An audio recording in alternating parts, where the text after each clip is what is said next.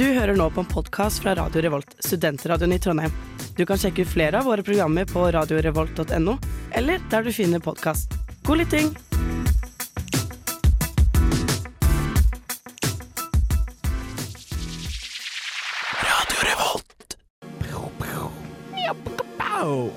Velkommen til en ny heftig episode av Nerdeprat.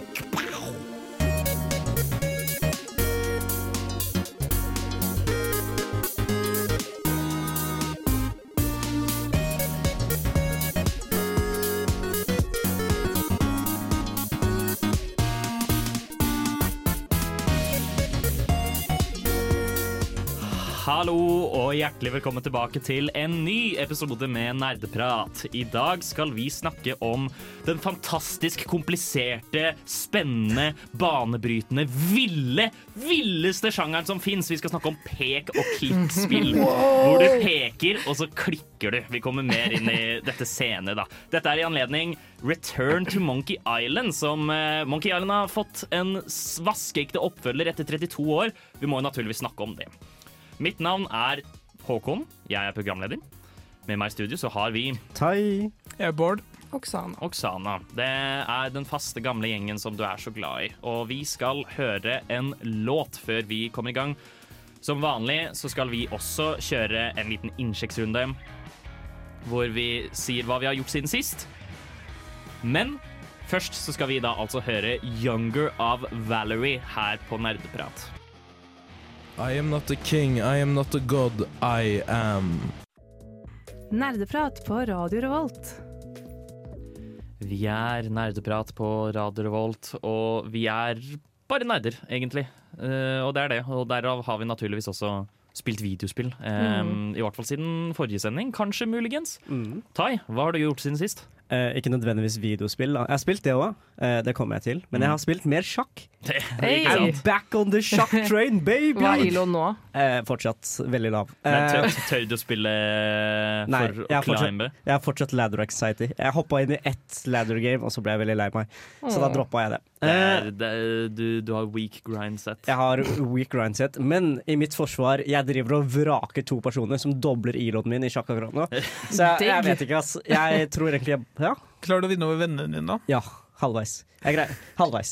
Halvveis. Jeg kan, ta, jeg kan leve halvveis. Ja. Jeg har fortsatt bare tapt sånn to ganger mot Aslak. Eh, og så driver jeg og vraker han andre som jeg bare har tapt mot. Okay. Ja. Ja, så Vet du hva du burde skaffe deg? Det finnes en sånn sjakkbrett som er liksom en robot. mm. Som du liksom bare du trykker ned brikken, og så velger du hvor du skal. Og så kan du velge liksom vanskelighetsgrad. Altså du kan sånn spille mot kjente sjakkmestere, da. Det husker jeg fikk til jul en gang. Kan jeg, ikke bare, kan jeg ikke bare spille på en app? Du kan eventuelt ja, spille mot Magnus Carlsen når han er fire år, på Ja. den appen Ja, på telefonen. men det er bare noe med den der som sier sånn 'move to'. Ikke sant? Det er sånn kult med en robotsjakk, liksom. Eller du kan spille sjakkbrett hvor brikkene er shot, shotteglass, og så tar du og drikker det når du mister brikken. Hey! Jeg tror dette ble litt off topic. Det er en fantastisk idé! Hallo! Oh, Gud. Nei, men jeg koser meg fortsatt veldig mye med Da slipper du i hvert fall å føle skammen over at du ikke Jeg glemmer skammen. Jeg føler den fortsatt på. Og så, kan man skylde på alkoholen om man taper. Ja, Ja, ja, absolutt. Herregud, for en god idé. Ja. Men jeg har også spilt Sea of Thieves. Wow! Ja, herregud, for et fantastisk gøy Sea spill. of Thieves er veldig artig. Mm. Ja. I hvert fall hvis man har fine folk å spille det Ja, absolutt. Uh, så nå er vi en gjeng på fire som terroriserer havet. Veldig koselig. Kult. Uh, jeg syns spillet har kommet veldig langt siden eh, back in the day.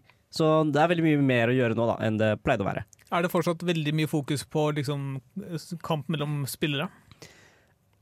Ikke like stort, føler jeg, men eh, det er fortsatt en veldig sentral og stor del av spillet. Ja, fordi Hvordan er deres spillestil? For jeg husker at det, Da jeg spilte det, så vi likte jo bare å faktisk dra rundt og få Mm. skatter. Mm. Um, og, eh, og så interagerte vi med spillere om det skulle til, men vi, vi var on a quest for booty, liksom. Ja. Nei, um, jeg har jo spilt med to forskjellige venne- vennegjenger, da. Eh, Den ene vennegjengen min, vi er sånn bloodthirsty bastards. Så vi, vi er sånn der, Det ligger en skatt foran oss. Istedenfor å ta den, så plukker vi den opp. Eller så, så, så bruker vi den som bait for at noen andre skal komme og ta den. Så tar vi dem heller. Oh, ja, um, mens den andre gjengen som vi spilte med nå, vi var en koselig gjeng, da. Så da fant vi Vi var på Quest for Booty, så fant vi et skip som brant. Og så er det to noobs som skriker etter hjelp. Min første tanke var selvfølgelig la oss synke dem. Se, de brenner allerede. Ja. Så lett. Men eh, ja, resten av laget var veldig gira på å hjelpe dem, da, så da vaska vi Vi, vi, vi Ja. Ble Vi redda kompiser, skipet. eller? eh, Ja. Jeg var veldig klar for å bli backstabba. Ja, det var, fordi Ja. det var det jeg hadde forventet. Så når, når de gutta spurte om å komme opp på skipet vårt for å se rundt, som de kalte det, var jeg så sikker på at det kommer til å stjele shit. Ja. Men nei, de stjal ingenting. De takka for hjelpen, og så gikk de. Er veldig søtt. Hello. Ekstremt hyggelig. Tenk at The Sea of Thieves faktisk kan ha positive interaksjoner. Ja. Det hadde jeg aldri trodd. Dessverre, når miljøet ikke er like toxic som Rust, da, så skjer sånt. Ja, det er sant. Mm. Hvordan er spillebasen, egentlig? Um, den er relativt bra. Jeg føler vi møtte på folk ganske ofte. Mm. Mm. Så Så da, det er også forbedra serverne, da, så nå Mm. merger serverne etter hvert. Det er jo fantastisk. Ja. Og det er veldig naturlig også. Så det, er sånn det blåser masse røyk rundt deg, og så plutselig er det sånn over. Det er veldig bra. Ja. Oksana? Eh, ja, jeg er en synder, fordi jeg har bare spilt league. Du, du har ikke engang spilt Mass Effect? Eh, nei, fordi jeg vet ikke hvorfor, men jeg bare hadde en sånn derre Jeg fikk bare så jævlig lyst til å spille league, og så har jeg spilt sykt mye league. Og jeg pleier Jeg er sånn, du vet flink person som legger seg klokka ti og sånn, men i går så gøy meg til klokka to på natta. Oi, faen, Men eh, jeg fikk jo litt eh, fremgang, fordi jeg fortsatt eh, spiller jo ikke ranked denne sesongen her, fordi fuck det. Men eh, jeg er én mastery token unna for å få syv mastery i Sona, med Sona. Hey. Og det har jeg ventet på lenge. Så jeg er snart i mål, for det er liksom mitt mål da, å få det med Yumi, Sona og Seraphine. Og da er du ferdig med league. Eh, nei. Da må jeg videre. Da kanskje jeg begynner å spille ranked. Vi får se. Det var trist å høre. Nei. Jeg. Jeg har kost meg faktisk så mye. Jeg får, jeg, får jeg får så høy KDA når jeg spiller Sona. Det er helt vilt. Jeg får jo høyest av alle. Jeg får sånn 16 KDA. Jeg var sånn Gjør mer damage enn topplane, liksom. Ikke sant? Jeg blir jo Ja. Det er de selvtillitsboost, syns jeg. I hvert fall når alle tror at Sona er så sterk. Men jeg gjør jævlig mye damage. Ja. Og jeg healer masse, så jeg koser meg egentlig. Jeg har også spilt mye Aram da. Jeg måtte jo sjekke ut Udyr. ja. Aram er den eneste spillmodusen jeg spiller, fordi det er den eneste hvor jeg Der kan jeg skru av hjernen best mulig, og jeg har ikke lyst til å ha hjernen på når jeg spiller league. Ah, ja, nei. Jeg, jeg, har begynt å få litt kjærlighet for det akkurat nå. Mm. Jeg koser meg. Men eh, b- bra du hygger deg, i det minste. Da. Det er i hvert fall fint å gjøre at noen liker of Jeg har begynt å slutte å bry meg om Ja. toksiske folk, og det Ja, er veldig fint. Det er ganske viktig. Mm. Haha, du aktiverte nettopp mitt trap card. Nå er du nødt til å høre på nerdeprat til episoden er ferdig.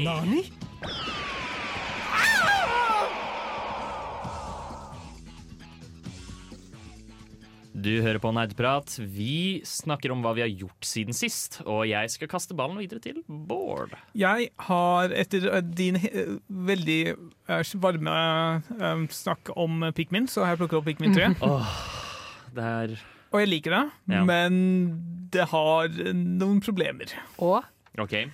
Jeg skjønner ikke hvorfor Ok, For de som ikke vet hva pikmin er, du plukker opp masse små plantelignende ting uh, som kan bevege seg. Du utforsker en um, planet hvor uh, Eller du reiser til en planet, og uh, mannskapet har blitt avskilt. Så du starter med Alf, og så finner du Brittany, og så er jeg nå på jakt etter kapteinen. Ja. Og så finner du da disse små dyrene Målet, målet i spillet er at du, du skal bruke disse små pikminene til å samle deg et liksom sto, en stor mengde frukt. og, og slikt sånn at du kan ta det med tilbake til eh, hjemplaneten din fordi de har hungersnød. Ja, men du må, trenger også frukt for å overleve. Ja. Og det er, det, det, det er her liksom problemet mitt kommer litt inn, fordi det er et, det er et dagssystem hvor liksom, du drar til et sted, og så har du liksom én dag til å være der, og så drar du tilbake, og så må du mest sannsynlig tilbake til samme sted kanskje to-tre ganger yeah.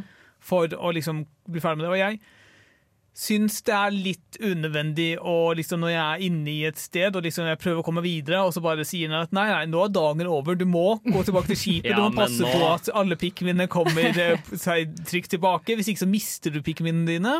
Og så må du gjennom en, en videoskjerm med masse dialog for liksom å si at å ja, i dag hadde vi litt fremgang, vi skriver det ned i loggen vår, og så bare tar ting masse tid, og så kan du endelig komme tilbake til det som faktisk er spillet, og det som er gøy. Ja, men Da har jo du misforstått poenget med Pikmin. Poenget er jo at det skal, det skal føles ut som at du overlever på en planet. Og nattid så er jo skapningen altfor farlig til å være ute med. Og, og om du ser på den originale Pikmin da Pikmin 3 synes jeg får det til ganske bra, Fordi der har du på en måte matsystemet. Hvor eh, du er nødt til å spise mat Du, du spiser en container med mat hver dag. Så hvis du går tom for mat, så er du død. I det originale Pikmin så hadde du 30 dager totalt. Som vil si at du får en tids du får, du får et eh, Hva skal man kalle det? Ehm, Du får en deadline for når du må ha hentet alle delene, og derav kommer spenningen på en måte i dagssystemet. Men jeg bare, for meg så er det ikke noe spenning. Jeg synes jo bare de kunne, det, det er greit at det er dagssystem, men de kunne bare hoppet over alt det tullet imellom. Bare latt meg Bare ta en liksom, flaske med fruktjuice, bare konsumere det, og så la meg fortsette å gjøre, ha det gøy. Ikke Men- tving meg i masse dialogdritt. Du kommer til å føle på det den ene gangen du forlater altfor mange Pikmin igjen over natta. Ja, fordi det er også utrolig irriterende. Er liksom, Pikmin har litt å si, men har egentlig ingenting å si. Og det, det, er, det er bare så merkelig hvorfor Det har ingenting å si fram til du mister alle Pikminene dine. Jeg Ja, bare sier det. Nemlig. Ja. Jeg syns det er et veldig godt gjennomført uh, system. Jeg har ikke noe problem med um, DAC-systemet. Jeg syns jo det er sånn det skal være. Og det er også på en måte sånn det belønner deg for å på en måte være effektiv og klare å multitaske og gjøre ting kjapt. Ja, jeg bare hater all dialogen imellom som tar tid. Og så har du også sagt, innrømmet selv da, Håkon, du ser ingenting feil med Pikmin. Nei, men jeg gjør ikke dem. Jeg gjør genuint ikke dem. Det er en perfekt spillserie. Eller i hvert fall alle tre spillene er masterpieces i mine øyne. Mm. Fantastisk bra Mm. spill. Ja. Hva med deg, Håkon? Jeg har eh, spilt mer Splatoon. Hei. Og da har jeg spilt eh, zombies-modusen til oh. Splatoon. Som er det kalles- zombies-modus? Ja, som kalles Salmon Run. Hvor det da er eh, enorme det, det er rare laks som Mm. liksom løper opp, og målet er at du skal samle så og så mange gylne egg fra å drepe disse laksene. Okay. Um, etter tre runder så er du ferdig. Um, så, så det er på en måte litt sånn rar bølgemodus, fordi Mm. det går ikke noe lenger enn tre bølger. Men det er også veldig veldig gøy eh, PVE-type spill. Mm. Som også bare Ja, Den lar deg ikke fortsette til evig tid. Det er jo utrolig merkelig. ja det, jeg, det, er min største kritikk til Salmon Run, at det burde være eh, en endless-modus. Ja. Men em, mm, det er uansett veldig gøy. Fiendedesign er morsomt, det er kaotisk, det er intenst. Um, av og til òg, på slutten av uh, bølge tre, så har du en sjanse for at det kommer en svær Godzilla-laks. Um, som du da får superkort tid på å drepe. Selv om han er supersterk. Og det ble også utrolig intenst. Og Ja, fordi det er laksen som er zombiene? Ja. Ok, Og hvordan dreper Altså de eggene, hvordan dreper de laksen?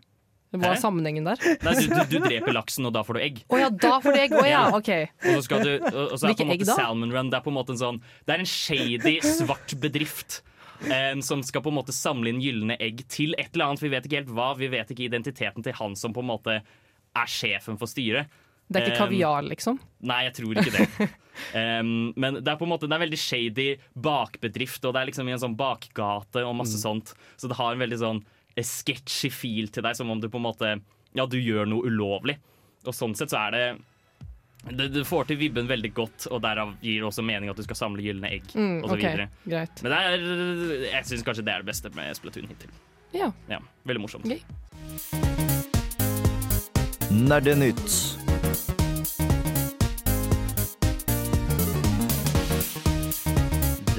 Stemmer. Det er tid for nyheter. Vi skal Det er en veldig stor nyhet som vi absolutt bør snakke om. Um, GTA 6 har fått masse, masse, masse lekkasjer. Masse lekkasjer. Det var vel over opp mot 100 forskjellige videoer av gameplay som har blitt lekket. Jeg har faktisk liksom Jeg, jeg fikk med at det skjedde, og så så jeg bort fordi jeg bryr meg ikke nok om GTA 6. Nei, ikke jeg heller. ass. Jeg så, um, jeg så ufrivillig um, et klipp på Twitter, um, og så var jeg sånn Det her ser ikke ekte ut. Ja. Um, men, det så, men jo lenger ut i klippet man kom, så så det mer og mer ekte ut. Fordi det er jo fortsatt veldig tidlig utvikling, Ja. og det er internopptak. Liksom. Så vidt jeg har skjønt, så er det noen som har gjort datainnbrudd på en eller annen Enten liksom utviklingsserver, men også kanskje bare liksom kommunikasjonsplattformen til Rockstar, og hentet ut av bilder og videoer og sånne ting derfra. Mm. Og visstnok så ryktes det også at de muligens har tilgang til noen kildekoder. Såpass òg, ikke sant? Ja. Det er jo helt vilt. Det eneste Ja, nei, det er jo Det var veldig rart å på en måte at det, Fordi dette kom veldig plutselig. Ja. Det var veldig mye også. Jeg har også sett at FBI liksom nå har blitt dratt inn i saken. Mm. Og slikt for at de skal prøve å finne denne hackeren. Og så har det jo blitt bekreftet av Rockstar, så vi vet jo at alt at dette her er ekte. Mm. Men hvor lenge er det til GTA 6 kommer ut? Det er jo masse ting som kan endres fortsatt. Ja, ja. Det er um, fortsatt veldig ferskt. Uh, jeg om det er én ting, så tror jeg at dette her har utsatt spillet med én eller to år. Såpass? Um, bare Ja, jeg vet ikke. Hvis de føler de må skrive ting om, Mm. kanskje, kanskje de ser på reaksjonene og tar det litt til etterretning, så kan det hende at det blir utsatt. Men Forhåpentligvis så er det ingenting som skjer, og de bare, det er tidlig nok til at det har veldig lite å si. Mm. Det er likevel spennende hvis eh, Hvis dere er interessert, så finnes det overalt på internett. Ja, Men, eh, riktig. Ja. Noe mer nyheter? Det er en annen lekkasje også, som jeg leste nylig. Eh, en 53 minutter lang video av Diablo 4 fra lukket beta. Som eh, etter, så vidt jeg skjønte, så var dette noen som ble strømmet eh, liksom privat for noen venner eller noe sånt, og så var det en av de som tok opptak av det. Mm. Og disse lukkede betaene har jo som regel et eller annet vannmerke som sier nøyaktig hvem det er som faktisk har denne kopien, så det vil nok ikke være vanskelig å finne ut hvem som står bak. Ja, Mm. ikke sant? Jeg har ikke sett videoen, så jeg aner ikke liksom hva som faktisk ble vist. Men uh, folk som er interessert i Diablo og andre actionrollespill, er nok interessert i å se hva, hva som kan være å forvente. Fordi beta er jo ganske sent i utviklingen. Ja, sånn for dette skulle også, uten å røpe for mye, så skulle dette tilsynelatende være ganske annerledes fra de andre Diablo-spillene. Ja, eller jeg tror de går litt tilbake til det Diablo 2 var. Ja. Fordi Diablo 3 var ikke veldig Det godt likt av folk. Det er også naturlig, fordi ja. folk ser jo på Diablo 2 med Det er en grunn til at det ble gjennomsert ja. eh, relativt nylig. Og jo, altså, en fantastisk bra jobb med det, faktisk. mm. Rekker vi en siste nyhet? Ja, eh, sånn apropos Blizzard. eh, Overwatch 2 er jo fortsatt en ting som skjer. Eh, Men nå har liksom sjefen for Ja, heltedesign har nå gitt seg. Ja, Mm. så han eh, godgutten som da designer eh, de forskjellige karakterene som skal være i spillet, eller lead designer, han som på en måte gjør the big calls. Ja, Og signerer på ting og sånt. Under en måned igjen før spillet lanseres, så har han bare gitt seg. Ja. Hvorfor det, tro? Det kan være at eh, selv ikke de ansatte har så veldig stor tiltro til Overwatch 2 akkurat nå. Ja. Jeg syns på en måte synd på dem, men samtidig ikke i det hele tatt. det er Blizzard. Ja, og, men det blir i hvert fall veldig spennende å se hvordan lanseringen til det spillet går. Oberst, jeg prøver å snike meg forbi vaktene, men lyden av min rumpeblafreng distraherer dem fra å lytte på nerdeprat. Du hører på Nerdeprat, og vi har startet på vår temadel. Vi skal snakke om det vi kaller pek og klikk-spill. Den mest spennende, villeste sjangeren. Men Håkon, er ikke alle dataspill teknisk sett pek- og klikkspill? Nei, det er ikke det. Det er eh, Ja, om vi skal på en måte bryte det ned superbanalt, da, så er ikke f.eks. COD et pek og klikk-spill, selv om du peker med musa og klikker på fienden for å skyte dem. Det Jeg, er, jeg er jo enig. Er Go Supermodell et pek og klikk-spill? Go Supermodell er heller ikke pek og klikk-spill. Em, jeg aner ikke hva, hvor, altså, hva man egentlig gjør i Go Supermodell. Man peker og man klikker, da. Ja, men det Men er det er så ikke det samme. Neida. Men uh, vi har vel en veldig spesifikk definisjon, vi, på Ja. hva et pek- og klikkspill er. Vi, jeg liker å kalle det point and click adventure-spill. Eventyrspill. Ja. Mm. Um, som da gjerne kjennetegner seg igjen ved at du blir kanskje plassert Ja, du blir plassert i et område, Mm. um, og så må du snakke med folk, samle gjenstander, og så må du bruke informasjonen eller gjenstandene du har fått, til å komme deg videre. Ja, fordi en ganske essensiell del for min del hvert fall er at de er godt skrevet. At du har ikke kun deg selv, men at du har noen interessante karakterer rundt deg som du må interagere med, og som du kanskje må utforske dialogen med for å finne ut enten, hva du skal gjøre videre, f.eks. Mm. I forberedelse til denne sendingen her så um, spilte jeg ikke bare Monkey Island, som vi skal snakke om senere, men også eh, Sam Max. Som eh, da er eh, ja, hva skal man kalle det, denne detektiv-pek-og-klikk-serien hvor man eh, spiller en, eh, en detektivhund og en kanin. De elsker vold, og det eneste de vil, er å arrestere folk. Og det er bare det, det er utrolig absurd humor rundt hvert eneste hjørne, på en måte. Um, der er den fulle skjermen av at eh, ja, hver eneste ting du gjør, er basically en, en gag på et eller annet vis. Selv om det på en måte kommer igjen i puzzlene. Um, det, det for, for eksempel I det første kapittelet der så kjøper du en, hva det, en, tå, en tear gas grenade launcher av en fyr, og så er det bare liksom en liten pistol som skyter løk. um, og det er, bare, det er kanskje det som virkelig kjennetegner pek og klikk, utenom det nettopp har sagt, og det er at det gjerne er skrevet på god måte. som Og så. I tillegg, så, altså, igjen pek og klikk, så ofte vil du se en bakgrunn hvor du har liksom gjenstander du kan plukke opp og sånne ting. Og så vil ikke den bakgrunnen nødvendigvis liksom bevege seg. Du beveger deg på bakgrunnen, og så beveger du kanskje til en annen scene. Mm. Som det gjør at eh, liksom, produksjonskostnaden sikkert er vesentlig lavere enn mange andre spill. Du Ja. trenger liksom ikke å 3D-animere noe sånne ting og lage et univers du kan bevege deg fritt rundt i. Du ba, trenger bare et sted du kan klikke. Mm. Siden vi har jo ikke nevnt det heller, men de fleste pek-og-klikk-spill er 2D. Ja. Mm. De aller fleste pek-og-klikk-spill er 2D. Det finnes jo som nevnt Sam Max. Um, har også Grim Fandango Mm. og lignende som òg er 3D, men det fungerer effektivt helt likt. Ja. Ja, fordi du har en en bestemt kameravinkel som aldri endrer seg, endrer seg i den scenen. Ja. Og da, da, da går du rett og slett bare Du går rundt, og så må du Du må være oppmerksom til miljøet rundt deg, og du må være oppmerksom til dialogen du har med karakterene. Ja. Mm. Um, ja. Og så må du også være jævlig nysgjerrig og klikke på alt du ser. ja, virkelig. Men det er også på en måte en del av sjarmen, Fordi da får du som regel litt gøye linjer med dialog som et resultat av det. Eller monolog. Eller Eh, monolog, som regel så er det veldig morsom monolog også. Ja. Mm. Så det er um, og, og, og, ja, virkelig hjerte og sjelen av uh, det man kan kalle pek og klikk. Riktig. Vi skal snakke om litt forskjellige uh, pionerer og s- de største um, pek og klikk-spillene. Det har jo blitt typ en liten kultklassiker, så det er litt rart å si at de er store. Altså Hele sjangeren er typen kultklassikersjanger. Mm. Uh, men, men disse er altså de største av de største, og virkelig ja, noen av de beste. Vi starter selvsagt med Monkey Island-serien, um, etter vi har hørt Ultraflex med Under the Spell. God lytt. Nerdeprat på Radio Revolt. Vi skal snakke om Monkey Island-spillserien. Er det noen av dere som kjenner til dette flotte spillet? Ja, det er jo en fantastisk klassiker av, en, eh, av et spill, da.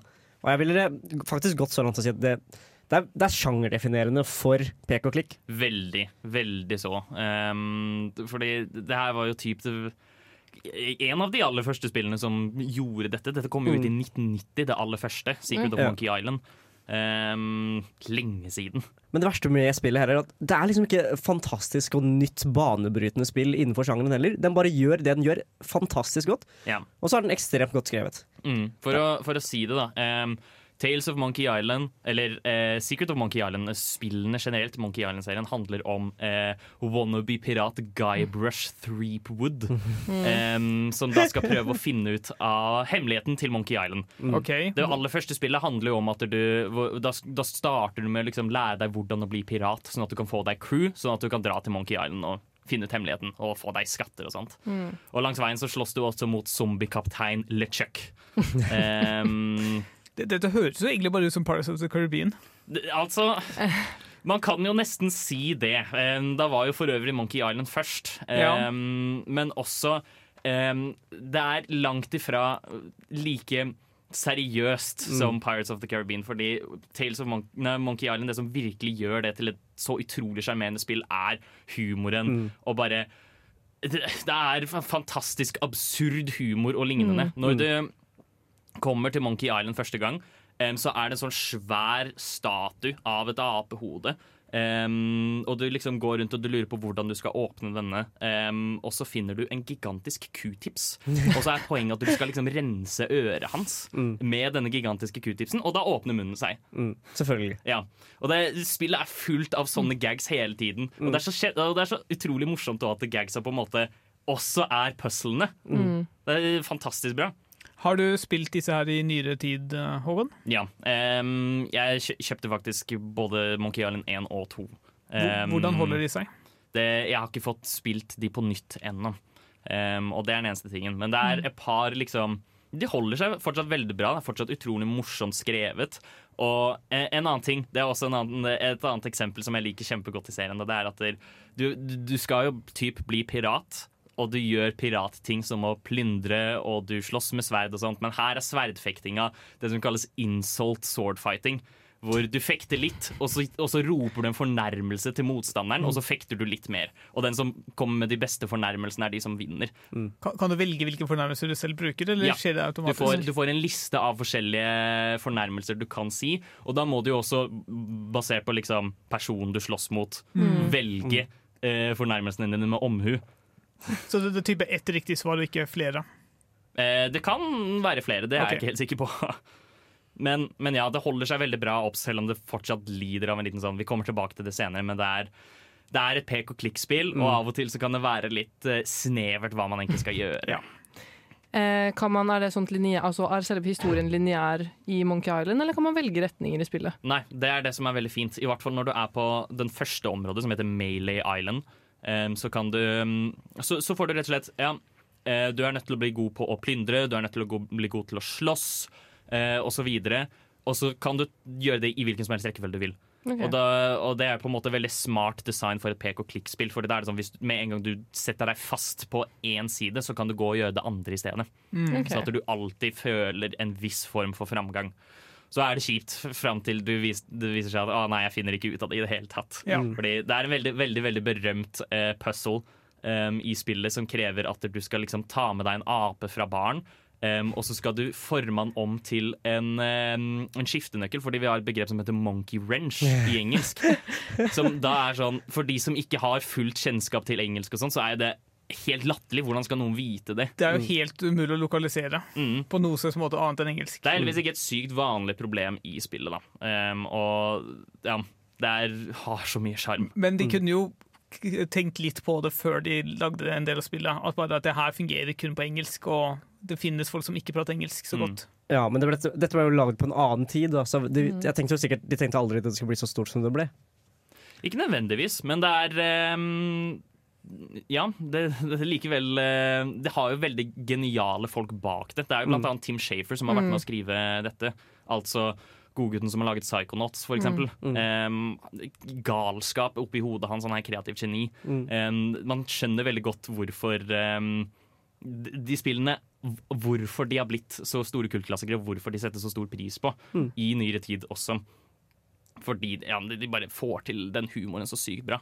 Men på 19, i 1990, hvor er det man spilte det da? På PC? Du spilte på PC. Ja, det fantes, ja. Ja, ja.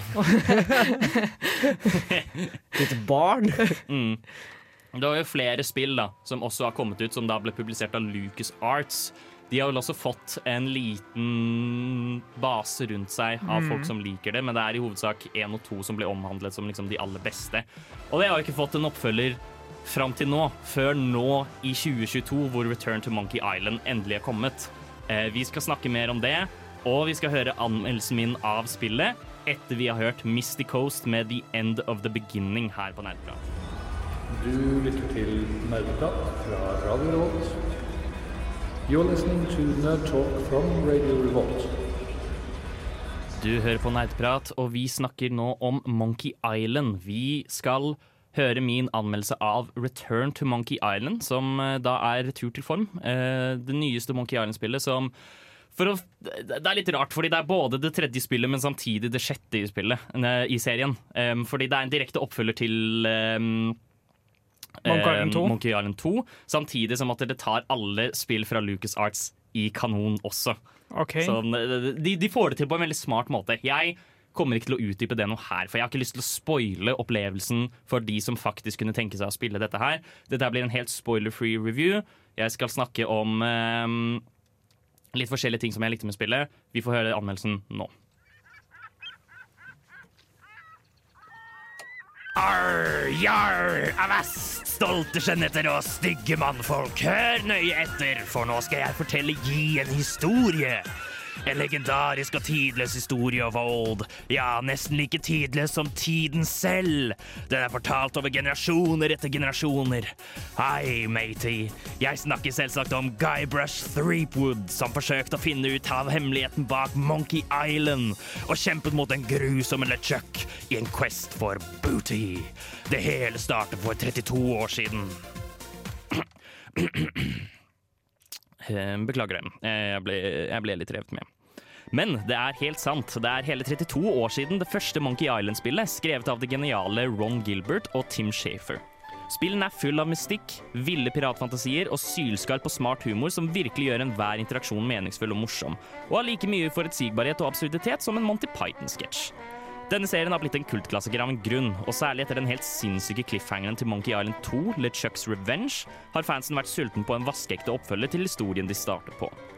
Vi fikk etter hvert flere Monkey Island-spill, publisert av LucasArts, og selv om disse spillene i noen grad er elsket, er det ikke det samme uten de originale manusforfatterne om bord. Vi fikk heller aldri vite hva hemmeligheten av Monkey Island var, helt konkret, men hele 30 år senere er Ron Gilbert endelig tilbake for å gi oss den sanne Monkey Island 3 i form av Return to Monkey Island. Og det er nettopp det dette er, en retur til Monkey Island. Ikke bare i spillet, men også fra et metaperspektiv. Det er pek og klikk, det er puzzles, det er pirater, og det er tullete. Spillet bombarderer deg med gags konstant i form av både popkulturelle referanser, men også vitser hvor de bryter den fjerde muren, som å kommentere på at de ikke har sett denne gjenstanden siden Monkey Island 1, eller at de gjør narr av internettdiskursen til spillets nye tegnestil.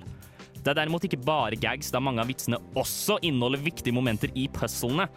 Alt er sammenvevd i både dialog og fremgangsmåte, og i lik linje med de tidligere spillene er det konstruert på en utrolig smart måte, og du blir belønnet for å følge med og notere nesten enhver ting de sier. For å ta det utrolig kjapt uten å spoile, puzzlene også er godt gjennomført. Som oftest er det kombiner X med Y, hvor du f.eks. må bruke en ting med en annen ting, bruke en ting på et sted eller person osv. På denne måten får du deg venner, blir oppmerksom på miljøet rundt deg, skaper uvenner, ødelegger liv osv. Du skaper deg fiender, og du vinner fiender over på din side. Det føles virkelig ut som at du er på et eventyr som en wannabe-pirat, som også er ganske dum. Det er likevel også modernisert, og det føles ut som at den generelle pacen til spillet har gått opp.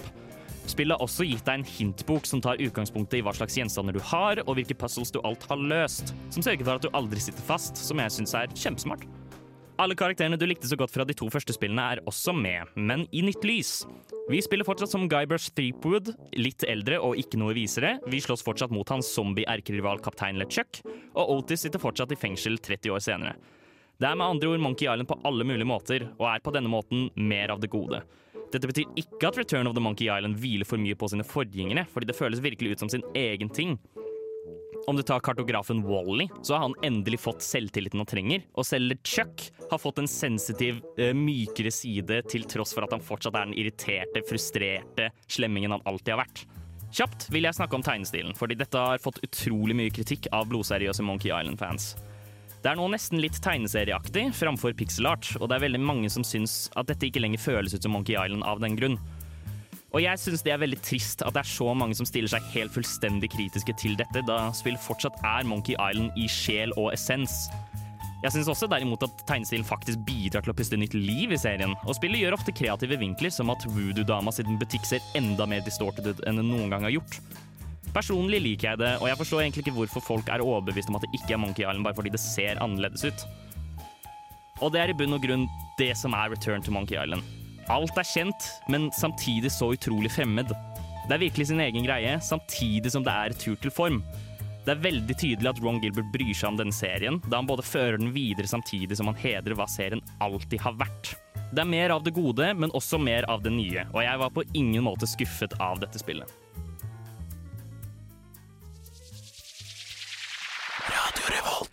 Der fikk dere min anmeldelse av Return to Monkey Island. Jeg må kjøpe det.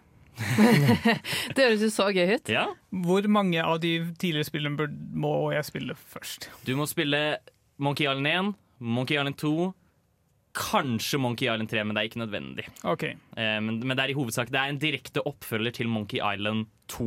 Okay. Um, og på en måte inneholder uh, det, Monkey Island 2 Jeg har ikke lyst til å si noe som helst igjen, i tilfelle noen faktisk um, har lyst til å spille disse spillene. Men um, Monkey Island 2 får en sånn absurd twist som de fortsatt typ beholder i Monkey Island 3. Uh, uten å på en måte De avklarer ingenting, på en måte. Det er kjempesmart. Men for de som kanskje lurer på om de gidder et 20-30 år gammelt spill, uh, hvor mange prosent av eh, Return, of Monkey, Return to Monkey Island går man glipp av om man ikke har spilt til tidligere? Ganske mye. Type 50% kanskje? Uh, minimum. Og det er fordi, men det er også sånn eh, Ta for eksempel eh, når du i det første spillet så har du et oppdrag hvor du skal eh, ja, Når du skal lære deg å plyndre, da, så skal du stjele typ et totem-idol fra guvernørens herregård. Um, og hvis du vet hvordan du kommer deg til herregården i spill 1, så kan du komme deg til herregården på samme måte i spill 3. Okay, det, det er kult. Ja. Så det er, det har på en måte Og det er fordi du er på den samme øya, sånn som du var i spill 1. Og derav blir det også det, blir- det blir veldig mye nostalgi, veldig mye reminiscing, men det er samtidig på en måte ja, det, det er jo nye puzzles, og det er også nye Eller karakterene er sett i nytt lys. Ja. Så det er, eh, det er generelt kjempesmart eh, gjennomført, og de har virkelig fått til Og jeg syns det er helt vilt at de har fått til en oppfølger som fungerer så bra til en så utrolig gammel spillserie. Mm. Det er Ja. Jeg vet ikke hva man skal si. Jeg syns også det er mer overraskende kom et pek og klikk-spill i 2022. ja, men herregud, Jeg kan ikke huske sist gang vi har snakka eller nevnt eller vært gira på et pek og klikk-spill. Jeg, Dark Side Detective, var uh, for typ et år siden eller sånt. Serr? Ja. Er det pek og klikk? ja. Ah, Men har du spilt gjennom hele nå? Eh, nesten. Nesten. Hvor langt er spillet? Eh, cirka um, uh, har brukt ish rundt ti timer, kanskje. Okay.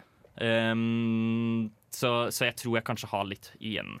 De første spillene var typ rundt seks timer. ok.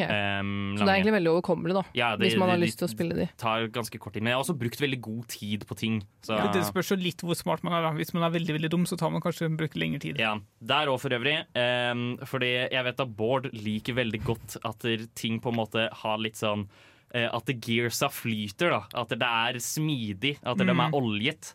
Um, som ikke nødvendigvis er sykt nice i um, uh, Monkey Island 1 og 2. Der er det kanskje litt sånn derre det, det er gamle spill. Selv om de er utrolig godt skrevet, så er det gamle spill. Uh, mens her så er det på en måte Det er veldig modernisert i form av at alt går veldig mye kjappere. Og hvis du er stuck på en ting, så har du som nevnt denne hintboken, som tar i betraktning alle gjenstandene du har, og de puzzlene du allerede har løst. Og du kan bruke den akkurat hvor mye du vil. Så hvis du har én puzzle som du er sånn Denne her er helt umulig, jeg aner ikke hvordan man gjør det, da kan du bruke hintboka. Mm. Og så trenger du ikke å bruke den noen gang ellers.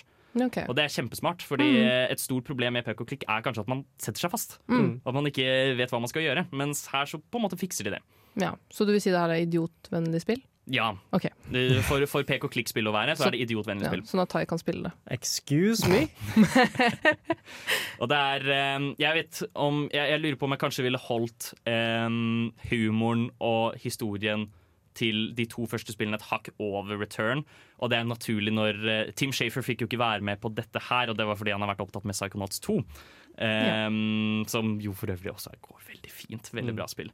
Men det, det var fortsatt helt fantastisk bra at vi fikk originale skriver Ron Gilbert, fordi han han er kjempeflink. Han, eh, han har skrevet en utrolig god historie her også. Som òg blir overraskende rørende eh, til tider. Så det er Jeg kan ikke anbefale det nok, faktisk, for de som liker én gode historier og to gøye puzzles hvor man på en måte Hvor man faktisk må tenke og legge, legge merke til ting eh, i dialog.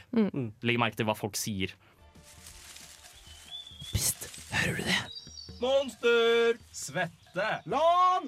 Databrus! Det er nerdeprat i sitt naturlige habitat. Du hører på Nerdprat. Vi snakker fortsatt om pek og klikk-spill, og vi skal gå innom noen av Eller to av de største klassikerne til eh, Lucas Arts. Ja. Um, De har eh, begge blitt eh, gjenlansert som en liksom oppusset versjon. Mm, og det er eh, kjempefint at eh, nye også får oppleve det, selv om det på en måte blir sett på som kanskje snever, to snevre spillserier. Ja. Eh, men også veldig høyt elsket. Vi snakker om Grim Fandango og Day of the Tentacle. Hva er disse? Jeg plukka opp uh, Grim Fandango for uh, en-to dager siden, sikkert, eh, og spilte litt. Det Åpningsscenen er at eh, du er døden, holdt på å si. Og du treffer en, annen- en person som da har dødd, og så skal du prøve å selge dem en slags luksusreise for å komme deg videre. Um, Ja, det er, eh, du, du jobber typ i um, Land of the Dead, em, hvor, og da er du Det har veldig sånn kontorlandskap-setting til seg. Og så skal du på en måte selge han da typ en billett til Land of Eternal Rest. Hvor de da skal gå for å hvile i all evighet. Ikke sant? Men det, spillet åpner jo også opp med at det er bare helt latterlig lang trafikk til, det, til Land of Eternal Rest. Så vi må finne en annen måte å komme oss dit. Til. Ja, du kan vel For det første, altså, i hvert fall du kan kjøpe bedre, bedre måter å reise på, type en luksusbil eller tog eller sånne ting. Mm, Men eh, noen av dem er vel også raskere. Ja, nettopp. Men for å gjøre det, så må du ha penger, og det har ikke klientene til hovedpersonen som heter så mye som Um, Manny, eller ja, noe sånt. Ja, det stemmer. Det stemmer. Mm. Um, Ja, og så langt jeg kom, var at du får beskjed om en stor forgiftning som liksom har tatt masse liv, og alle har rykket ut dit, for det er, liksom, det er masse potensielle klienter. Og så dabbet det av for meg. hvorfor, hvorfor dabbet det av, holdt jeg på å si? Fordi jeg prøvde å gå ut, og så den ene retningen så kom jeg til motorvei, og der kan man jo selvsagt ikke gå. Det sier eh, hovedpersonen selv til deg. Ja, så gikk jeg i den andre retningen, og der var det en parade som eh, jeg ikke helt skjønte hva hadde med det jeg skulle gjøre, å gjøre. Så jeg lukket spillet og fant noe annet å spille. Nei. Det er eh, Grim Fandango er på en måte kjent for å ha en helt fantastisk bra historie samt eh, en fantastisk morsom setting. Mm. Det er jo veldig gøy å se for seg døden liksom som et kontorlandskap. Mm. Både fordi mange ville sikkert sett på et kontorlandskap som døden. Ja. Eh, og da blir det på en måte en liten sånn dobbeltbetydning-ting der. Og så er det jo generelt utrolig godt skrevne karakterer, morsom, øh, ja, morsom dialog og så Ja. Mm. Um, men åh, Grim Nago har store problemer med å fortelle um, spilleren hva de skal gjøre, hva de Mm. skal bruke ting til. Mm. Um, det er én puzzle litt senere i spillet hvor du skal på en måte Det er vel et um, Hva skal man si, et jernrør eller noe sånt. Uh, og når du interagerer med den, så sier Manni bare ah, den er låst. Um, og da tenker du nat naturligvis at du trenger en nøkkel, men det viser seg at du trenger et kort som du skal kile inn for å liksom åpne den. Typ. Ja. Det er utrolig vagt, og det er ingen måte vi skulle på en måte skjønt at det var løsningen. Mm. Men kjempegodt skrevet spill likevel. Mm, og så er den vel også veldig kjent for musikken også. Ja. At de bruker sånn eh, upbeat jazzmusikk, og det er veldig sånn Jeg ville ha kalt det liksom ikke mafiastemning, men litt sånn der The Godfather-stemning, på en måte, hvis du skjønner. Ja. Så det gjør det veldig unikt. da, og Mm. også Tegnestilen syns jeg også er kjempeunik. At du er jo en sånn meksikansk hodeskalle. Ja. Sånn altså Inspirert av meksikansk eh, kultur og kunst. Mm. Som er kjempegøy. Mm. Men da jeg fortalte om mine opplevelser med Grim Fandango, så anbefalte du heller det andre spillet. Day Eh. of, Day of the Tentacle. Ja. Um, Grim Fandango er 2D, mens eh, Day of the Tentacle er 3D. Um, og Day of the Tentacle handler da rett og slett om Det er vel et eh, tidligere spill som heter Maniac Mansion, hvor et av monstrene der som bare kalles Purple Tentacle, drikker en slags toxic sludge, og så blir han typ um, Han skal ta over verden og sånt. Mm. Og det spillet er, er at du spiller, masse, du spiller tre forskjellige karakterer, tror jeg det var, og så reiser du i tid til forskjellige tidspunkter som er viktig for å stoppe uh, Purple Tentacle fra å ta over verden. Skjønner. Fantastisk bra konsept. Hun ene skal eksempel reise fram i tid for å deale med tentaklene når de har tatt over verden. Typ. Mm. Um, og så blir det på en måte Og det som gjør Day of the Tentacle En ting er at skrivinga skriving er smart. Um, selve handlinga er kjempegøy. Og det er liksom sånn tidsreisemysterium. Hvordan skal alt falle på plass? på en måte Men også at det spillet forklarer deg liksom Hvis du gjør en ting feil, så forklarer den deg hvorfor det er feil. Um, som er Jeg skjønner ikke hvorfor alle ikke gjør det. Mm. Altså- det, det er jo mange som gjør det, men eh, det tok kanskje litt tid å liksom komme på det konseptet. da. Ja. Of the Tentacle kom jo ut før Grim Fandango, da, så det er rart at de på en måte ikke hadde det på plass Det- det der og da. Um, men Day of the Tentacle blir også på en måte har også fått utrolig mye um, det, det er også veldig kritikerrost og en kultklassiker, Mm. fordi det har på en måte mye av den absurde humoren som vi har beskrevet i Monkey Island, Mm. hvor um, en svær plott til når du er i fremtiden og på en måte med tentakelfolka, er at du skal vinne liksom en mest menneskekonkurranse, sånn at du kan få en gratis middag til to, eller hva det er.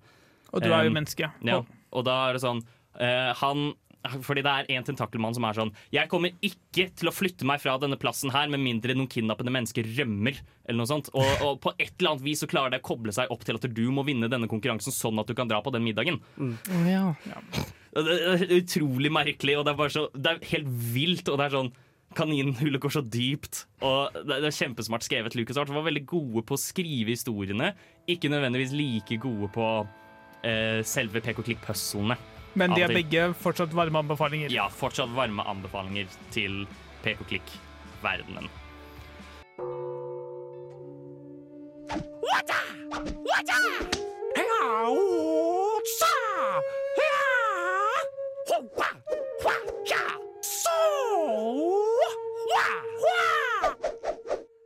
Nerdeprat. Nå skal vi snakke om eh, hva, hva skal man si? Hvor skal man starte? Nei, dere, dere kåte griser der ute, dette er et spill for dere, gitt. Mhm, For å si det mhm. sånn. Ja, dette er um, Leisure Suit Larry som um, Hva skal man Det handler vel bare om en fyr som vil ha damer? det, På en måte. Ja, du kan nesten kalle det det. Det er en, det er en Johnny Bravo-aktig type. Mm. um, som er sånn han, han, han forelsker seg eller blir kåt av hver eneste kvinnemenneske han ser. Um, og derav eh, handler spillet om at han skal ligge med dem. Mm. Er det en pek og klikk dating simulator? Eh, Eller bare verre? PK og klikk Tries to Get Laid Simulator, Ah, okay. ok. Altså, det er vel heller det å liksom Altså nå, Jeg tror ikke jeg har spilt et eneste av dem, uh, men så vidt jeg mistenker, så er det vel det at du må komme deg forbi visse hindringer for å faktisk uh, få deg noe med disse eh, kvinnene. Mm. Men dette spilles vel på Switch? Nei, det spilles på Alt sammen. Ja. Det er noen veldig gamle spill som sikkert kun fantes på PC. Det aller aller første Leisure Suit Larry um, het vel så mye som Leisure Suit Larry in the Land of the Lounge Lizards. Mm. I Og kommet i 1987. Mm. Som er helt sykt gammelt. Dette var altså før Monkey Island. Um, og det var vel egentlig basert på tidligere uh, lignende spill fra, som het noe sånn som liksom softporn, eh, et eller annet. Men de valgte da heller å lage et spill som hadde mye mer humor involvert, Mm. framfor å faktisk lage et pornospill. Og det er faktisk 18-årsgrense. Ja, det er Bare det. som alle Men vet. det er fordi det er eh, lyd humor, da. Ikke sant? Ja, men det er sånn også jeg så i det nyeste spillet, det kommer vel til 2020, at det er en dør. Jeg tro, vil tro at det er en strippeklubb eller noe sånt, og det er, liksom, det er en dør, og så har du to bein på sida, for du går jo inn i en dame. Mm. Ja, det er liksom sånn type humor, da. Og litt sånn mye, det er vel tårn der som Eller er det et vanntårn eller noe sånt som ser ut som en penis og spruter ut vann? Ja. Ja. Ja, så det går skikkelig out of their way for å bare gjøre det så sleazy som mulig. Ja, ja. det er sånn, Jeg er ikke helt sikker på om de engang syns det er morsomt, men det er på en måte så gjennomført i hele spillet at der, Ha-ha, humor som spiller på sex! Det er morsomt! Em, at der, de bare gjør det overalt, når enn de har mulighet. Og så har det jo åpenbart fungert i og med at det er sikkert syv spillserier eller noe sånt. Ja, det, jeg lurer egentlig på hvor populær den faktisk er. Det er det som er tingen, fordi det kommer jo helt sykt mange ut. Og i, hva er det i de nyere spillene òg, så er han vel em, Jeg tror det er i sånn Leisure Suit Larry 5 eller noe sånt, så blir han faktisk en del av pornoindustrien. Hvor han også på sida jobber for mafiaen eller noe sånt piss. Em, så handlingen blir jo naturligvis også mer bonkers. Det aller første spillet handler bare om at han skal ligge med fire forskjellige damer. Em, Ba bare fire. ja, de, de har alle sin personlighet og quirks, ikke sant. Så- så klart. Em, Men kan man ha sex? det vet jeg ikke. Da er det ikke verdt det. Nei da, tulla.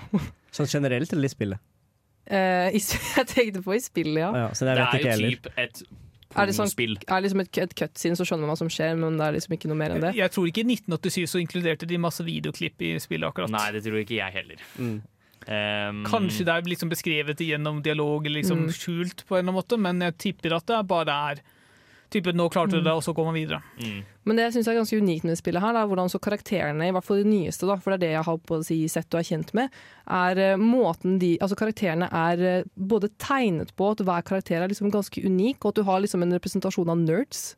Og da ble vi, vi ble hitta veldig hardt med den, ass. og hipsters, ikke sant. Og at på en måte hele atmosfæren er liksom litt ekkel. Det er liksom Ja. slim på bakken, og det er søl på veggen, og liksom barene er Du ser at det er skittent og rotete, og det gir liksom veldig sånn ekkel sexstemning. Ja, det skal jo være sleazy, hele Mm. greia. Så det er jo på en måte Det er jo åpenbart med vilje Ja. at det skal føles. Og så er det jo veldig uh, hva skal jeg si, utypisk at hovedpersonen uh, altså, Typisk nok så er det mange interessert liksom høye menn, men her er en kjempelav mann som er, gjør det hele så mye bedre. Og Ja. går liksom i denne Ja, hva er det, denne stygge, dressaktige Mm. tingen, og det bare Han ser veldig goofy ut. Ja, og litt sånn der, liksom rynka klær og litt Ja. sånn ølmage og veldig sånn der, liksom bakoverlent holdning med sånn derre hello. Veldig sånn creepy dude på gata. Det skaper jo en sykt morsom setting på den måten. Og i tillegg så er det jo også et veldig gøy og morsom kontrast til de andre. Hvor liksom, Ta for eksempel Monkey Island. Da det føles ut å herregud, jeg gjør dette for å liksom endelig løse mysteriet. Mm. Sånn, her er det bare for å ligge. Hell yeah! Hell yeah! Hell yeah! Yes, elsker det! Det trenger vi. ja. Å, helvete! Jeg må forte meg! Det er en ny episode av Nerdeprat! Det kan jeg ikke gå glipp av!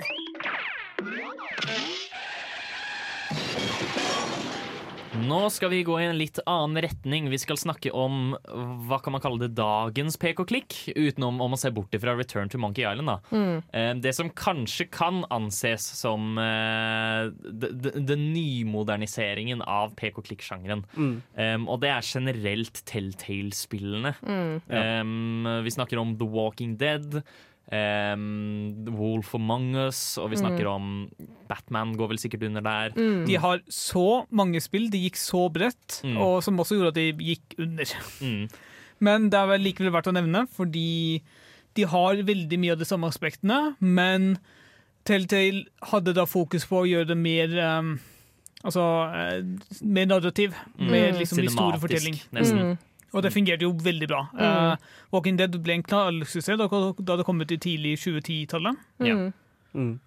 Men, um, men ja, det har på en måte også den samme strukturen Um, som et pek-og-klikk-spill kan Nettopp. ha, Mm. uh, i form av at du må finne gjenstander, og så må du bruke de på steder. Ja. I den aller første episoden av sesong én av Walking Dead ehm, så er det en scene hvor du må redde noen folk fra liksom, på et motell eller noe sånt, fra zombier. Mm. Um, og da er det Jeg lurer på om du trenger noe sånt som en skiftenøkkel eller en pute eller en uh, hakke eller noe sånt. Um, og hvis du ikke har den idet du kommer dit, så må du faktisk kjøre vekk. Og bare la de vente litt til, sånn at du kan finne den først. Mm. Og det er veldig pek og klikk. Det er veldig Ja. klassisk pek og klikk. Mm. Mm. Og disse, disse spillene er vel også liksom mer fokusert på at du kan også velge en egen handling, i hvert fall i The Walking Dead. er det ikke Ja. det? At Ja. man kan velge outcome, og kanskje i The Wolf Among Us også. Mm. Men jeg er ikke helt sikker. Ja, det stemmer. Det er eh, Avhengig av hva slags valg du tar, vil også farge hvordan folk ser deg. Mm. I The Wolf of Us for eksempel, så er det jo du em, det, det er jo en spillserie som handler om liksom fabler som er forkledd som mennesker. Mm. Hvor du spiller Bigby, som er The Big Bad Wolf fra Rødhette og Ulven-historien. Mm. Um, men du er også detektiv, og, du er, og det er ingen som helt stoler på deg. Og handlingene dine vil da også farge hvorvidt de stoler på deg eller ikke. Mm. Der også er det jo sånn faktisk at du skal løse typ eh, diverse mord og sånt, og da blir det jo at du løper fram og tilbake. Og der kan du også plutselig få et valg hvilket område har du lyst til å besøke først. Mm. Og det kan avgjøre Uh, om karakterer lever eller dør. Ja, men det har jo ingen stor betydning for plottet sånn i seg selv, fordi det hadde vært altfor vanskelig å lage Eller ikke for vanskelig, men det hadde vært veldig tidkrevende å lage. Men type hvem som lever og hvem som dør, er fint. Mm. Jeg syns heller at og Jeg vet ikke om jeg vil kalle liksom, Telltale-gamesene en direkte oppfølger til uh, pek og klikk-spillene. Kanskje mer en spirituell oppfølger. Da. Ja. Så det Mm. baserer seg veldig mye på de samme sjangertrekkene som fører til at du må gjøre en viss ting da, før du Mm. kan gå til neste greie. Og det finner du kanskje med å klikke eller snakke med riktig karakter eller ting. da. Mm. Mm. Det, det, det er veldig smart på den måten av at det blir en, også en cinematisk opplevelse ut Mm. av det. Det føles jo nesten mer ut som at du ser på en film, en episode av noe, Mm. framfor at du spiller Ja. et spill. Som på en måte kanskje er det pek og klikk-spill tidligere har ønsket å gjøre, Mm. men, eh, som, men med mer fokus på gameplay, da. Ja, kan vi sammenligne det med de der eh, interactive-filmene på Netflix? Ja, Typ. Ja. Um, du gjør jo litt mindre der, men det er jo omtrent den samme tingen. ja du, du har litt mer liksom bevegelsesfrihet i disse spillene, men det er type sånn Hvilken vei går du videre, er ganske essensielt. Mm. Det er um, så, så, så, så ja. Det Ja. er vel egentlig um Og vil definitivt si at The for Among Us var et veldig unikt spill i tillegg. Ja. Eh, og håper å si bare en liten note at det kom ut nytt i Og det er veldig bra, fordi var sesong 1 kom i 2013, eller hva det er. Mm. Noe sånt. Ti år senere kommer det endelig. Wolf of Mong sesong 1 var veldig veldig bra. Mm. Um, det anbefaler jeg folk å spille. Jeg anbefaler naturligvis også folk å spille Walking Dead. Um, Ja, kjempefint. Utrolig, utrolig bra spill. De, de får til på en måte De tar på en måte de rette elementene fra pek og klikk-spillserien og og mikser det med sin egen greie for å skape den beste cinematiske opplevelsen de kan, samtidig som at det fortsatt er et spill. i anførselstegn. Dette er DJ MacLeod Banks. Du hører på Nerdeprat. God gaming. God gaming. Vi snakker fortsatt om pek og klikk. Vi har snakket om ting hvor du peker og klikker, videospill hvor du peker og klikker. Nå skal vi snakke om videospill hvor du av og til peker og klikker, men ikke nødvendigvis Mm. hele tiden. Det mest kjente, og det kanskje det beste eksempelet, er Phoenix Wright. Phoenix Wright. Ingen tvil om det. Eh, hvor du, du først liksom undersøker en sak. Du er på et åsted, du prøver å finne ut liksom spor. Du ser f.eks. på bremsespor, og så finner du ut Du snakker med folk Type et åsted hvor en bil har og krasja. Tai er fem år. Ja, riktig.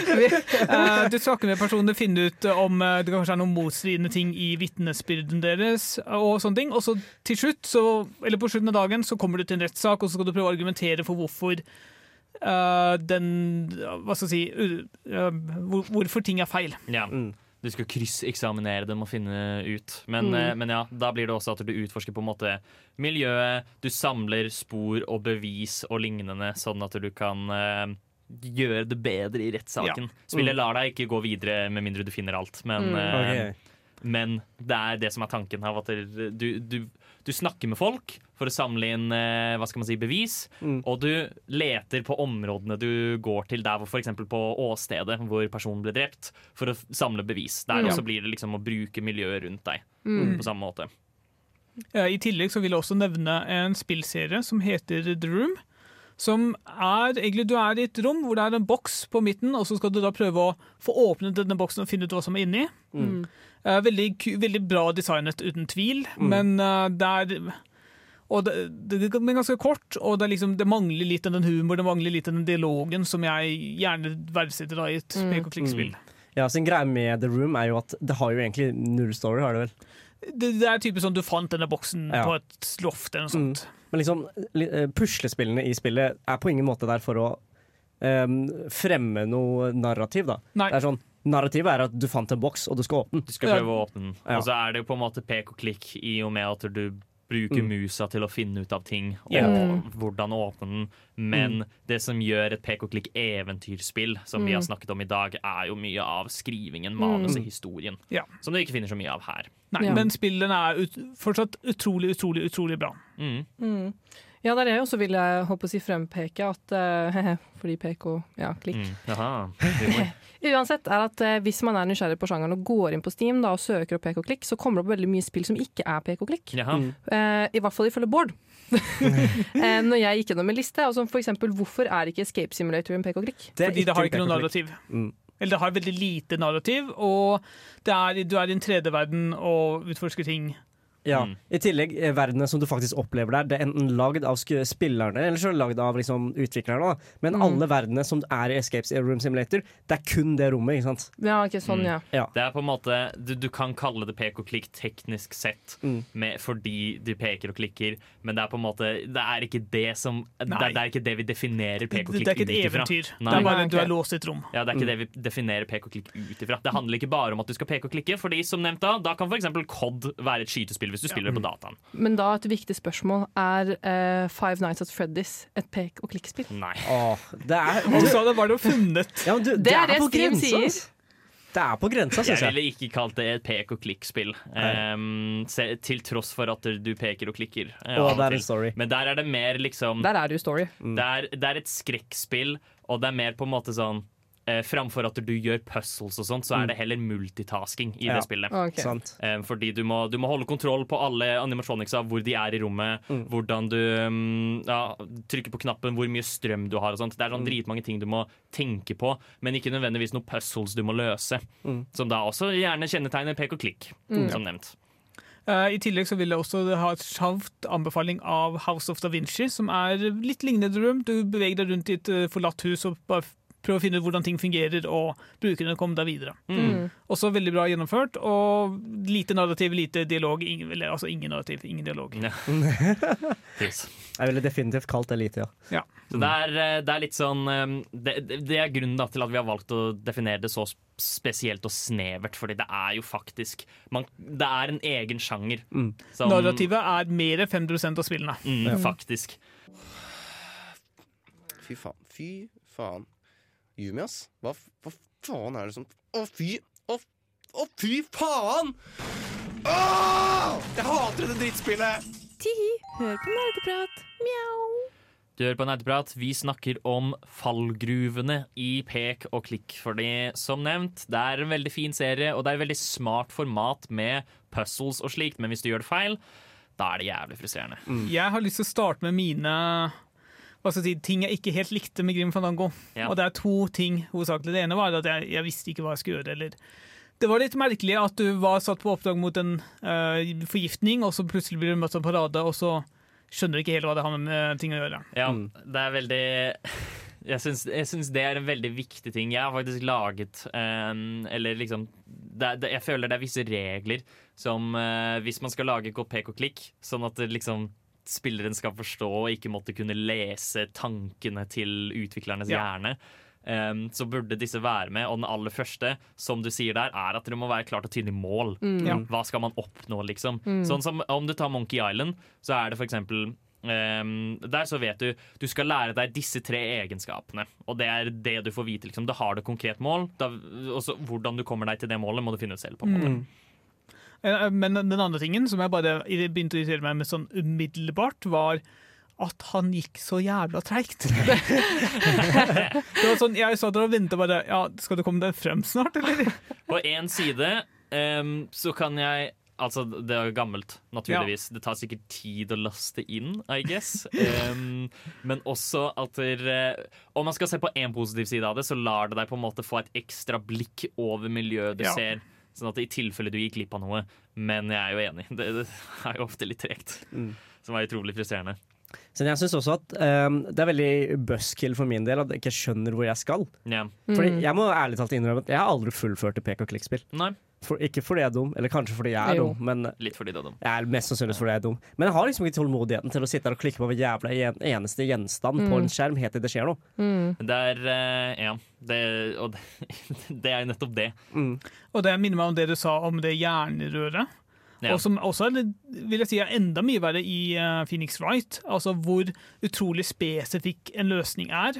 Altså I sånn vitneavhør eller krysseksaminering i Phoenix Wright. Du må liksom velge riktig dialog og så peke på én spesifikk ting. Selv om du mener at flere av dem er riktige, så, er det kun, så anerkjenner spillet kun én av dem, og det er utrolig frustrerende. Ja, det er eh, det, Mm. det, Ja, det er veldig frustrerende, i hvert fall i enkelte tilfeller. Mm. Um, men um, at det, er ty det burde være veldig tydelig hva man liksom skal gjøre. Ja. Um, at det, det skal være klart mål, men det er også et begrep som kalles signposting. Mm. Som bare er rett og slett at det, kanskje karakteren har en, liksom, en spes linje med dialog som bare Mm. hinter Mm. til hva du skal gjøre. Mm. Sånn som Day of the Tentacle har også en puzzle um, som involverer at det- det skal at det skal begynne å regne idet du vasker bilen din. Um, rart. Men, men der også, da er det én linje hvor det er en fyr som sier sånn Visste du at mange tenker at det, det begynner å regne når du vasker bilen din? Mm. Hm, ja, det er rart. Og så skal du bruke regnet til et eller annet. ikke sant? Men da har, det- da har noen sagt det, og da vet du at det, det, dette kan jeg gjøre for å få det til å regne. Ja, men da er det liksom etablert in universe liksom, at det her er, en, er et fenomen som skjer da på grunn av at du har gjort noe. Ja, men det er, derfor det er, ja, det er nettopp det. Og Mm. det er derfor det er så viktig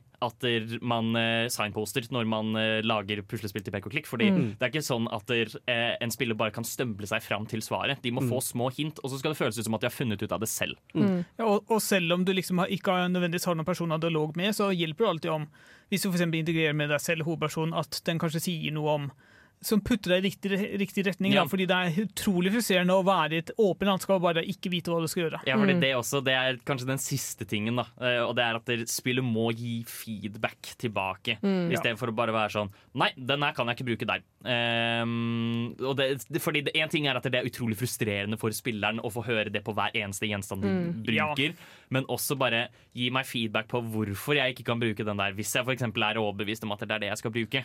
Ja, fordi da gir det kanskje av og til hint på hva du faktisk skal bruke den til. Ja, nettopp. Så det er, eh, det, det, det er vanskelig å lage sånne puslespill som da er fullstendig sentrert rundt hva folk legger merke til, og hva, ja, i både dialog og miljø. Men man kan gjøre det riktig, på en måte. Det er noen som gjør det veldig bra. Ja, enkelte som gjør det veldig bra. Ekstra, ekstra, ekstra, ekstra! Kom og hør de nyeste anbefalingene til nerdeprat! Ekstra, ekstra! Ekstra, ekstra! Nerdeprats anbefalinger! Nå skal dere høre Nerdeprats anbefalinger! Wow! Ikke sant? Vi har snakket om pek og klikk. Vi snakket, uh, har snakket om veldig mange da, uh, av de største. Nå skal vi få snakke om noen av de som vi ikke rakk å snakke om, men som fortsatt gjør det ganske bra. Mm. Bare for å nevne, alle vi har snakket om tidligere, er å anbefale. Ja, det er virkelig. Eller ja, ja, ja, faktisk virkelig, alle Ja, ja, sammen. 100%. Um, er det noen som har lyst til å starte? Jeg kan starte. Eh, jeg vil gjerne anbefale Please Don't Touch Anything. Det er passende for pek og klikk. ja. Nei, men ok, Dette er et spill hvor du egentlig blir putta i et sånt der kontrollrom for uh, atomvåpen. Okay. Og så sier de sånn Bare vent i fem minutter. Og det er hele målet på spillet. Du skal vente fem minutter og ikke trykke på noen. Det er vanskeligere gjort. Eh, Det er, det er litt vanskelig, fordi det er jævlig mange kule knapper. Ting blinker. Masse lys, masse sliders. Det starter bare med én knapp. Tai. Ja, men Hvis du trykker på knappen, så begynner okay, ting å skje. Jeg hadde ikke klart å holde meg. Jeg hadde så jævlig trykka opp knappen. Ja. Og, til og det er veldig mange måter å utslette menneskeheten på. Kult! ja. Så spillet er egentlig ganske humoristisk. Du, du gjør litt som i The Room, uh, bare at det er litt morsommere, Mm. syns jeg. Mm. Okay. Mm. Hva med Bård?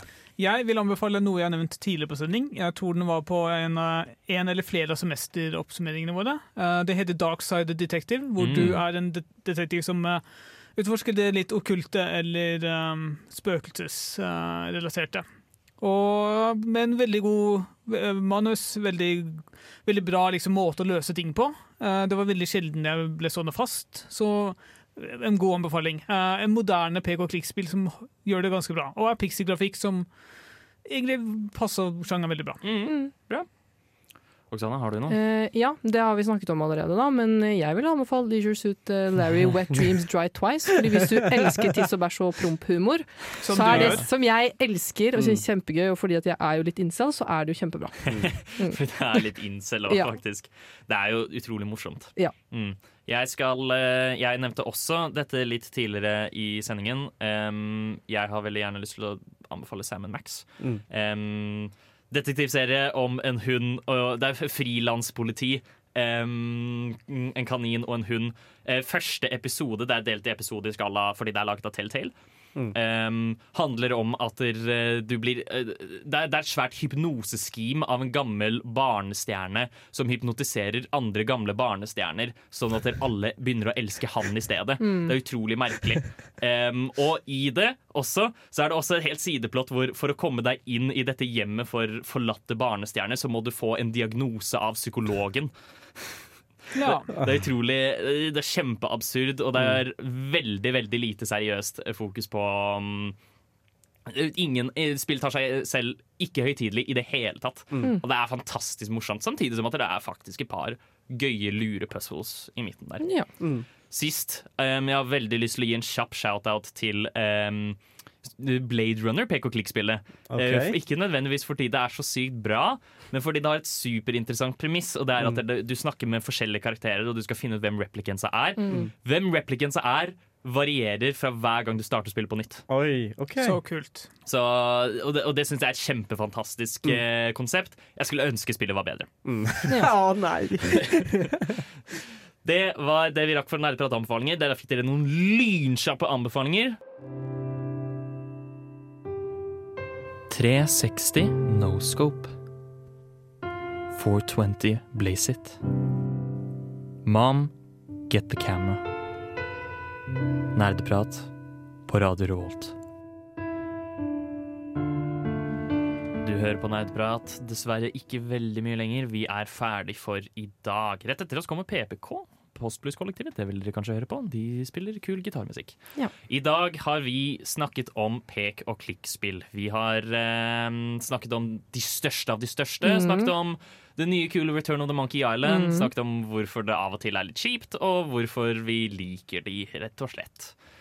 Neste uke så skal vi eh, søle teen, som eh, man så pent sier eh, på Gen Z-språket. Em, fordi det er mye drama rundt Twitch om dagen. Eh, slicker litt andre folk. Em, vi skal snakke om det. Det, Mm. det blir spennende. Gossip-prat neste, neste uke. Hvis du, hvis du syns det er gøy, så burde du høre på. Oh yeah. Det er alt vi hadde for i dag. Avslutningsvis får dere en låt. Dere skal få Tiger State med Occupied. Og i det så sier vi ha det bra. Ha det! Du har lyttet til en podkast på Radio Revolt, studentradioen i Trondheim. Sjekk ut flere programmer på radiorevolt.no.